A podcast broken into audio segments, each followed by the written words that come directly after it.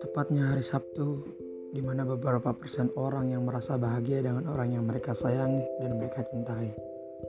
Dengan komitmen ataupun hanya sekedar teman yang menguntungkan.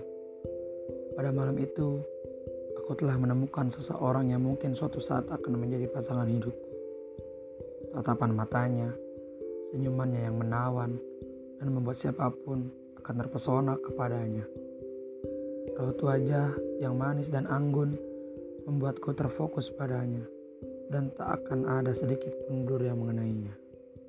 Ia hangat dan cair. Aku telah merasa nyaman berada di dekatnya.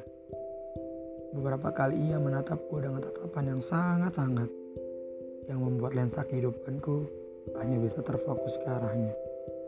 Sapaannya yang harmonis yang membuatku tak akan pernah lupa dengan caranya berbicara.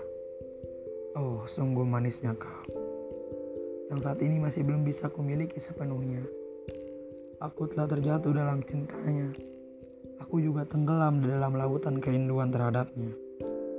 Kuharap kau yang telah membuatku terjatuh dan tenggelam, jangan menjauh dan jangan terpaku dalam diam.